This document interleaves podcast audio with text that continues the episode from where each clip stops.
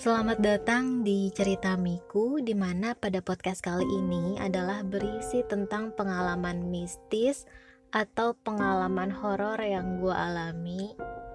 Nanti isinya random baik itu dari kecil, dari SMA atau dari zaman kuliah atau bahkan yang terbaru. Isinya akan random karena gue tuh punya banyak banget pengalaman mistis. Sebelumnya gue tuangin di buku sampai akhirnya gue capek nulis dan dodol banget gue baru kepikiran kenapa nggak gue rekam di podcast? Kenapa nggak gue taruh sebagai arsip di Spotify?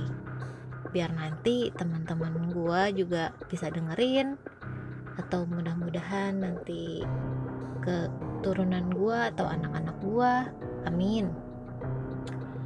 Bisa dengerin itu juga dan gue rasa banyak banget people in Indonesia suka dengan cerita-cerita misteri.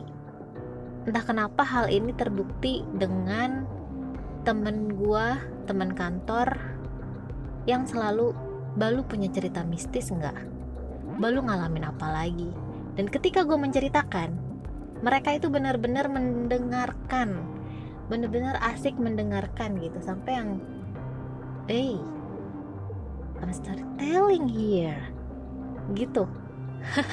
Jadi ya enjoy aja nikmatin cerita gue karena memang ini gue jadikan sebagai arsip gue juga. So selamat mendengarkan cerita mistis yang gue alami. Dan percaya atau tidaknya tergantung bagaimana anda menyikapinya.